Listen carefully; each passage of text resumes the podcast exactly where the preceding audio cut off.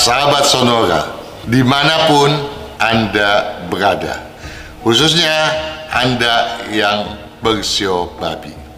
Di tahun yang baru saja berlalu, tahun kerbau logam, Imlek 2572. Keberuntungan Anda tentu saja termasuk lebih daripada sekedar lumayan. Bahkan kesinambungan kesuksesan ya dari tahun sebelumnya bisa Anda maksimalkan pada tahun tersebut asalkan Anda senantiasa bertekad bulat. Kenapa? Karena memang yang diharapkan oleh tahun kerbau logam Imlek 2572 itu adalah sesuai dengan predikannya tekad bulat, enyakan agal, gilangkan peluang. Terlebih apabila Anda pada saat itu tidak gampang terbuai oleh ilusi atau angan-angan semacam apa pun juga gitu. Nah, itu kan berarti logika Anda merupakan sesuatu daya tangkal untuk menjauhi ilusi tadi. Sehingga dapat dikatakan logika Anda adalah syarat menggapai kesuksesan pada tahun tersebut, ya. Dan semakin Anda masifkan, ya, semakin Anda punya keseimbangan dalam segala hal. Sehingga sikap arogan, mudah tersinggung tidak akan terjadi. Tidak ada satu batu sandungan yang berkaitan dengan hal semacam itu. Dan apabila semangat menyertai logika, udah deh, keberuntungan Anda luar biasa. Tapi kan itu masa lalu, Pak Kang. Yang saya mau tahu nih, sekarang di tahun Macan Air Imlek 2573 yang kata Pak Kang berentang waktu mulai 1 Februari 2022 sampai dengan 21 Januari 2023. Bagaimana soal itu? Oke, kita bahas sama-sama. Memang tahun macan air berentang waktu seperti itu dan berpredikat tegas berambisi. Nah, kalau tahun lalu tekad ya bulat, sekarang tegas berambisi. Kalau tegasnya punya ambisi, maka aksi dan hoki gampang dilambungkan maka daripada itu, tegas berambisi, lambungkan aksi dan hoki. Tapi sebelum saya lanjutkan ini pembahasan, ada bocoran dulu nih. Hati-hati, Anda yang bersio babi diramalkan ciong. Walaupun ciong kecil, tetap saja itu namanya ada ketidakselarasan yang patut kita waspadai. Kenapa? Karena Anda sendiri sudah mengandung air. Anda tuh sebetulnya orang yang keras kepala dan gampang tersinggung. Nah, dengan masuknya unsur air, sisi daripada negatifnya itu takutnya menjadi membesar nih. Ini yang perlu kita waspadai.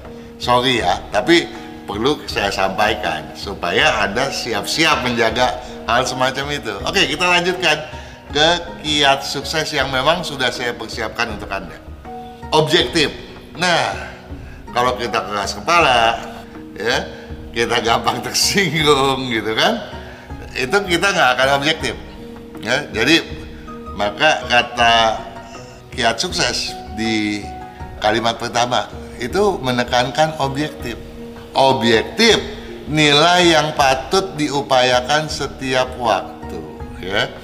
Nah, sikap keras kepala, mudah tersinggung, buang deh tuh jauh-jauh ya supaya apa supaya prinsip dan leadership nggak mungkin kebablasan nah dalam konteks ini saya berharap anda menyimak video peruntungan tahun macan air Imlek 2573 sebab kalau unsur kayu yang artinya adalah prinsip dan kepemimpinan terlapukan oleh besaran unsur air maka berbagai hal yang negatif akan mendera kita. Itu ya. Itu harus disimak terlebih dahulu. Nah kemudian prinsip tadi yang perlu dijaga itu nggak boleh lapuk ya ini penting agar fungsi kontrol kita terhadap objektivitas tidak mengalami gangguan sehingga benak kita bisa berpikir dan berperasaan seimbang. Objektif nilai yang patut diupayakan setiap waktu. Jadi bukannya bekalan gue baru ingetnya seminggu lagi sebulan lagi enggak setiap saat kita harus ingat tuh objektif objektif objektif karenanya tautan naluri dan logika harus terpadu. Jadi naluri sama logika nih dua aspek yang nggak boleh bertentangan ya. Naluri sendiri sebetulnya nggak perlu anda pusingkan. Sebab itu seperti tadi saya bilang dia membesar sendiri itu ya. Nah yang perlu kita jaga jangan sampai dia membesar. Yang perlu kita bangunkan nih ya adalah bagaimana kita mengaktifkan logikanya? Ya kalau logikanya terbangun keraguannya hilang. Ya nah logikanya yang kemudian akan justru menajam. Ini yang kita mau ya. Nah karenanya tautan naluri dan logika haruslah terpadu. Hemat segala daya gelontorkan pada saat tertentu. Nah ini jelas dong. Daya upaya kita harus kita hemat ya. Misalnya pendanaan ya aspek krusial nih yang butuh kepedulian lebih. Ya, kita harus alokasikan itu dana demi kepentingan yang tidak terduga. Ya, jangan-jangan kita maunya, oh ini bagus kita biayai, ini bagus kita biayai, tanpa kita berpikir panjang. Giliran yang betul-betul potensial muncul di hadapan kita, kita sudah kekurangan dana, ya.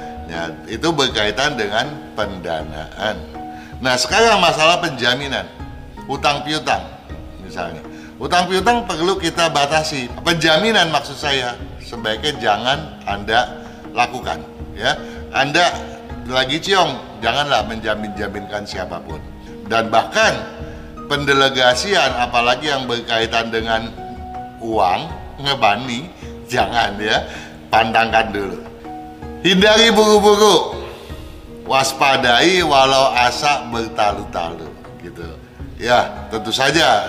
Janganlah kita terperangkap dengan ketergesaan kalau kita tergesa-gesa orang yang tergesa-gesa pada umumnya jauh daripada objektif gitu ya. Jadi putusan kita jangan kita paksakan cepat-cepat melainkan patut kita kaji yang mendalam kita butuh waktu jangan kita mau dipaksa oleh siapa pun karena dengan pemaksaan itu kita bisa jatuh dalam lembah kerugian yang jangan sampai justru menjadi kerugian yang fatalis. Itu yang kita khawatirkan benar. Dan harapan yang justru terasa meningkat, ya jangan kita hilangkan. Memang harapan Anda di tahun macan ini ketika deraan Ciong datang, harapan bukan yang turun, Anda harapannya malah naik. Ya nggak masalah sih, jangan dibuang ya. Anda perlu jaga, jangan dienyakan biar aja kita piara dalam benak. Kenapa? Karena kita perlu ini kita rawat supaya berkepanjangan. Karena apa? Karena di tahun depan jangan-jangan peluang Anda jauh lebih besar daripada sekarang. Ada lompatan yang tidak terhingga. Itu yang kita perlu persiapkan. Nah, sekarang yang penting nih. Berapa sih jumlah nilai keberuntungan Anda? Itu Anda perlu tahu. Karena inilah yang menjadi parameter apakah Anda patut defensif atau ofensif. Kalau keberuntungan Anda jauh di bawah 5 atau sekedar di bawah 5 lah, Anda juga harus tetap berhati-hati. Tapi kalau di atasnya, nah, Anda boleh coba-coba mencari kesempatan untuk menangkapnya dengan segenap ketegasan dan segenap ambisi Anda. Sukses selalu.